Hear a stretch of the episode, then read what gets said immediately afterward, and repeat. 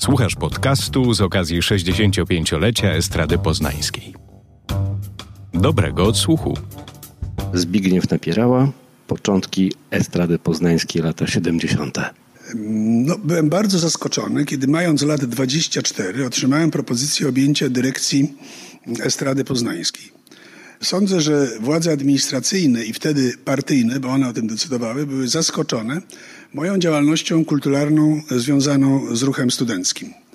Ja byłem szefem Komisji Kultury na Uniwersytecie Poznańskim, założyłem Uniwersytecki Chór e, Akademicki, prowadziłem kluby e, studenckie, takie jak kluby pod maskami, udzielałem się w klubach takich jak Odnowa, Nurt e, i przede wszystkim byłem organizatorem z ogromnym rozmachem realizowanych juwenaliów studenckich, gdzie do Poznania przyjeżdżały wszystkie czołowe zespoły polskie, wykonawcy, Narodowicz, Skaldowie, poznańskie zespoły.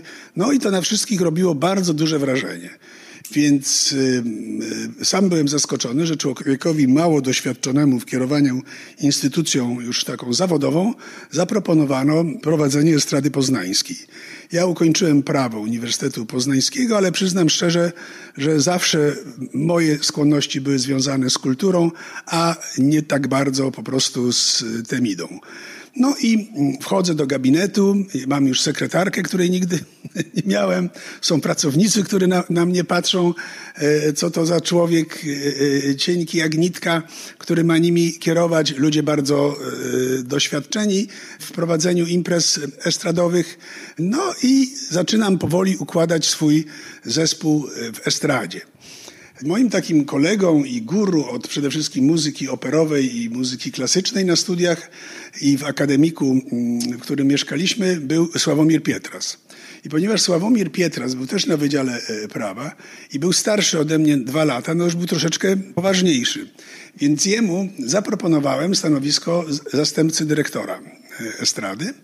Kierownictwo muzyczne w tamtym czasie objął Jerzy Milian, który był doświadczonym muzykiem, wspaniałym, jednym z najlepszych polskich wibrafonistów. No i zaprzyjaźniony z całą czołówką e, jazzmenów od Nachornego, Wrublewskiego, e, Matuszkiewicza, także oni wszyscy też zjeżdżali do Poznania. I w tym okresie też e, czasu staraliśmy się stworzyć jakąś najpierw linię programową estrady. Postawiliśmy na, na dwa nurty. Jeden nurt no to oczywiście ten rozrywkowy, najbardziej e, można określić nim pop, ale e, Sławomir Pietras miał inklinacje operetkowe i on zajął się obszarem tym, który był związany z artystami operetki i opery. Po pewnym okresie e, układania kadry zostawiłem wielu pracowników, którzy pracowali w estradzie wcześniej i nawet miałem sugestię, żeby ich zwolnić. Nie zwolniłem żadnego. Był taki kultowy impresario Witold Feldman, który był najbardziej doświadczonym impresariem. I to było dobre posunięcie, że, że, że tych y, y, z doświadczeniem impresariów Estrady Poznańskiej zachowałem i korzystałem z ich doświadczenia i od nich się też dużo uczyłem. Potem na, następują lata błyskawicznego rozwoju estrady poznańskiej. Wszyscy chcą z nami współpracować. Współpracują z nami czołowe zespoły rozrywkowe. Współpracuje z nami również Mięczysław Fok. Podejmuje po, z nami współpracę mm, y, po powrocie ze Stanów Zjednoczonych Violetta Villas. Są u nas po prostu y, trubadurzy. Command Band. Milian ma swoją orkiestrę, Górny zakłada swoją orkiestrę. Właściwie wielu, wielu, wielu wykonawców z Polski chce być pod skrzydłami naszej agencji. No i przychodzi taki moment właściwie kluczowy dla rozwoju estrady poznańskiej, kiedy ja postanawiam i to bardzo wcześnie, rok po, po, po, po, zaraz właściwie jak wkroczyłem do estrady, żeby jednak stworzyć w Poznaniu kabaret. E, w Poznaniu były jakieś e, kabarety przed wojną, ale raczej poznaniacy e, mieli opinię ludzi bez poczucia humoru. Więc ja, tak, ja chciałem to jednak zmienić i przekonać, że nie, że tutaj są pokłady dobrego humoru. I pamiętam, że miałem koleżankę, do której czasami zaglądałem na mm, Akademii Wychowania Fizycznego i potem chodziliśmy na wieczory kabaretu Klops, gdzie w tym kabarecie występował Laskowik i Jaślar. Oni byli po prostu e, e, e, szefami tego kabareciku. Te piosenki ich były bardzo prymitywne. Teksty śpiewali takie jak, mm, to będzie chyba cenzuralne, lubię ruchy, takie odziewuchy. To, co lubią studenci, proste, przaśne i wywołujące po prostu ogromne brawa. No i ja im zaproponowałem stworzenie kabaretu. Laskowik wymyślił nazwę kabaret tej, ale ja naprawdę byłem niepewny, czy z takimi amatorami, którzy nie mieli wiele wspólnego w ogóle z humanistyką, którzy również literacko było to po prostu e, e, nie najciekawsze, więc niezbyt byłem tego pewien i wysłałem ich na rozmowę do Wojtka Młynarskiego i mówię, napisałem mu Wojtku drogi, proszę cię oceń, czy to jest w ogóle materiał na zrobienie kabaretu. Wojtek mi odpisał taki liścik, napisał drogi Zbyszku, wiesz, to są takie diamenciki, które muszą się same oszlifować, trudno mi jest to w tej chwili ocenić. I już w przygotowaniu do, do, do pierwszego spektaklu, który miał się nazywać e, Quo Vadis Pieronie, bo wtedy Gierek doszedł do władzy, widziałem, że pojawia się wielki talent e, Laskowika, talent reżyserski e, Jaślara. I ja ich namawiam do tego, żeby ich wesprzeć profesjonalistami, żeby wzięli zawodowych aktorów, oni są trochę oporni, nie chcą, ale godzą się, biorą Wojtycha, biorą panią Żywczak, namawiam ich do Krystyny Tkacz, pojawia się chyba Rudy Schubert. To w czasie może, może, może nie jest dokładnie tak, ale zawodowi aktorzy zaczynają też się po prostu pojawiać. No i z pierwszym programem mamy duże kłopoty, bo zastrzeżenia do tego ma biuro polityczne. Dzwoni do mnie z Warszawy członek biura politycznego, sekretarz partii, towarzysz Szydlak, który mówi, że całe biuro polityczne czytało ten tekst i że oni się na to nie zgadzają, że my im w robocie przeszkadzamy i że taki tekst i taki kabaret y, nie może po prostu funkcjonować, żeby to ocenić wspólnie z cenzurą.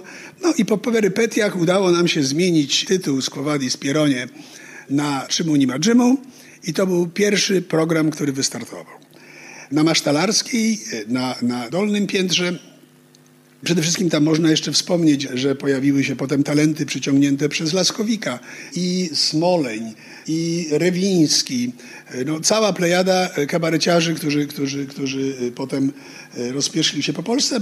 Część z nich została. E, taki amator zupełny Gołębiowski, który tam u nich występował. No, Poznań po prostu walił drzwiami i oknami. Była też tam taka postać kultowa, aktora, który grał zawsze drugorzędne role halabardnika, ale był niezwykle lubianą, towarzyską osobą Żużu Zembrzuski. I Żużu Zembrzuski zawsze wyjeżdżał po Adama Hanuszkiewicza, jak przyjeżdżał do Poznania na dworzec, po słynnych aktorów. W każdym razie Żużu był instytucją. Był biedny, i ja mu powiedziałem, Żużu, zobaczysz, że jeszcze kiedyś zarobisz pieniądze. I ja go obsadziłem w takiej roli, którą on był gospodarzem przerwy w kabarecie. I w przerwie, w takim pomieszczeniu, gdzie stał wielki kredens, Żużu dzwonił dzwoneczkiem i opowiadał swój kultowy monolog, że koniecznie jak, jak, jak umrze, to bardzo prosi, żeby na jego nagrobku było zdjęcie jego w pozycji stojącej. I żeby pod tym zdjęciem był napis, tu leży ten, co stoi. No to wzbudzało zawsze śmiech. Była tam lampka szampana w przerwie, także w Poznaniu stało się to głośne i frekwencja była niebywała. Na dole pod kabaretem Jerzy Milian stworzył pierwszą szkółkę mm, wokalno-estradową. I on znalazł tam wiele osób bardzo ciekawych, bo królowały wtedy koleżanki z mojego pokolenia, Urszula Sipińska, Zdzisława Sośnicka, Zagórska, nie wymienię wszystkich nazwisk, a na dole była szkółka, gdzie zaczynała Hanna Banaszak. Dużą rolę też pojawiła się, nie wiem, czy e, Krystyna Prońko na pewno, znaleziona przez Jerzego Miliana w chórku, kiedy śpiewała gdzieś w Lublinie. I tak zaczęła się taka wokalna szkółka estrady, która zaczynała też już być głośna, no bo to wspaniałe talenty. Potem dużą rolę też w animacjach muzycznych odgrywał Janusz Chojan i Zbigniew Górny. I ja, kiedy Jerzy chciał stworzyć swój własny zespół, ja postawiłem na Zbigniewa Górnego i on stworzył zespół Zbigniewa Górny Big Band. Tam był jeszcze i Command Band i byli bracia Krystyny Prońko, którzy mieli własny zespół. Także do nas również włączyły się i były w naszej estradzie Alibabki, Woźniak, było wielu impresariów młodych, jak Kosmala, tekściarzy, także rzeczywiście estrada stała się znana w Polsce. Niemniej ja widziałem, bardzo chciałem podróżować i widziałem, że z polskimi wykonawcami będzie to trudne. Dlatego, że oni niedobrze znali język angielski, ich e, utwory jednak się nie przebijały na świecie. I pewnego razu z Sławomirem Pietrasem wybraliśmy się do Warszawy, do Teatru Żydowskiego, gdzie występował cygański zespół Roma. Ten cygański zespół Roma był pod opieką Teatru Żydowskiego i Szymona Szurmieja. Teatr mieścił się tam, gdzie dzisiaj stoi hotel Victoria i zobaczyłem pierwszy spektakl tego cygańskiego zespołu. I postanowiliśmy, postanowiłem z tego zespołu zrobić mini cygańskie Mazowsze. I zespół Roma dostał e, opiekę e, artystyczną, muzyczną. Choreografię robił Konrad Drzewiecki z, jego, z byłą swoją żoną Teresą Kujawą, specjalistką od tańców charakterystycznych. Zofia Wierchowicz, wybitna scenografka, robiła scenografię i kostiumy. Teatr Wielki uszył kostiumy do, do tego spektaklu i otrzymaliśmy propozycję wyruszenia w świat. I pierwsze nasze koncerty to były dwa, e, dwukrotnie występowaliśmy w paryskiej Olimpii, Teatrze Saint-Jalizé, w Corneille Hall, Organizacji Narodów Zjednoczonych, w Anglii, w Danii. No, muszę powiedzieć, że to były wspaniałe podróże, ale i zespół Roma cieszył się niebywałą popularnością w Polsce i przyciągał no, pełne, pełne, pełne sale kongresowe. Tą moją działalność w estradzie mm, poznańskiej i ten rozmach i fakt, że doprowadziliśmy do tego, że firma, co było rzadkością w tamtym czasie, zarabiała na swoje e, utrzymanie, dostrzegło kierownictwo radia i telewizji i słynny ówczesny prezes Maciej Szczepański zaproponował mi jednak, żebym się przeniósł do Warszawy. Ja się nie zgodziłem i w ten sposób zostałem szefem radia i telewizji w Poznaniu, mając 27 lat. No i znowu, po prostu uczyłem się radia i telewizji, przede wszystkim e, telewizji. Postawiłem na to, żeby ośrodek poznański był promocją muzyki klasycznej, opery. Pojawił się wtedy Bogusław Kaczyński, którego przyjąłem do pracy. Pojawiły się wspaniałe spektakle telewizyjne, jak operowe Kwiprokwo, które realizował Bogusław Kaczyński. Festiwale w Łańcucie, w Krynicy, ale było też wielu twórców poznańskiej telewizji, jak Stefan Mroczkowski, jak Iza Cywińska, która robiła wspaniałe teatry. Do Poznania przyjeżdżali również robić e, spektakle teatralne Bugajski, Maciej e, Wojtyszko, bo ja uważałem, że ośrodek poznański musi być otwarty na Polskę, a nie tylko e, jakby być poznańskim zjawiskiem przede wszystkim, ale żeby był otwarty na twórców również z Polski. No i bardzo, bardzo żeśmy promowali chór Stuli Grosza.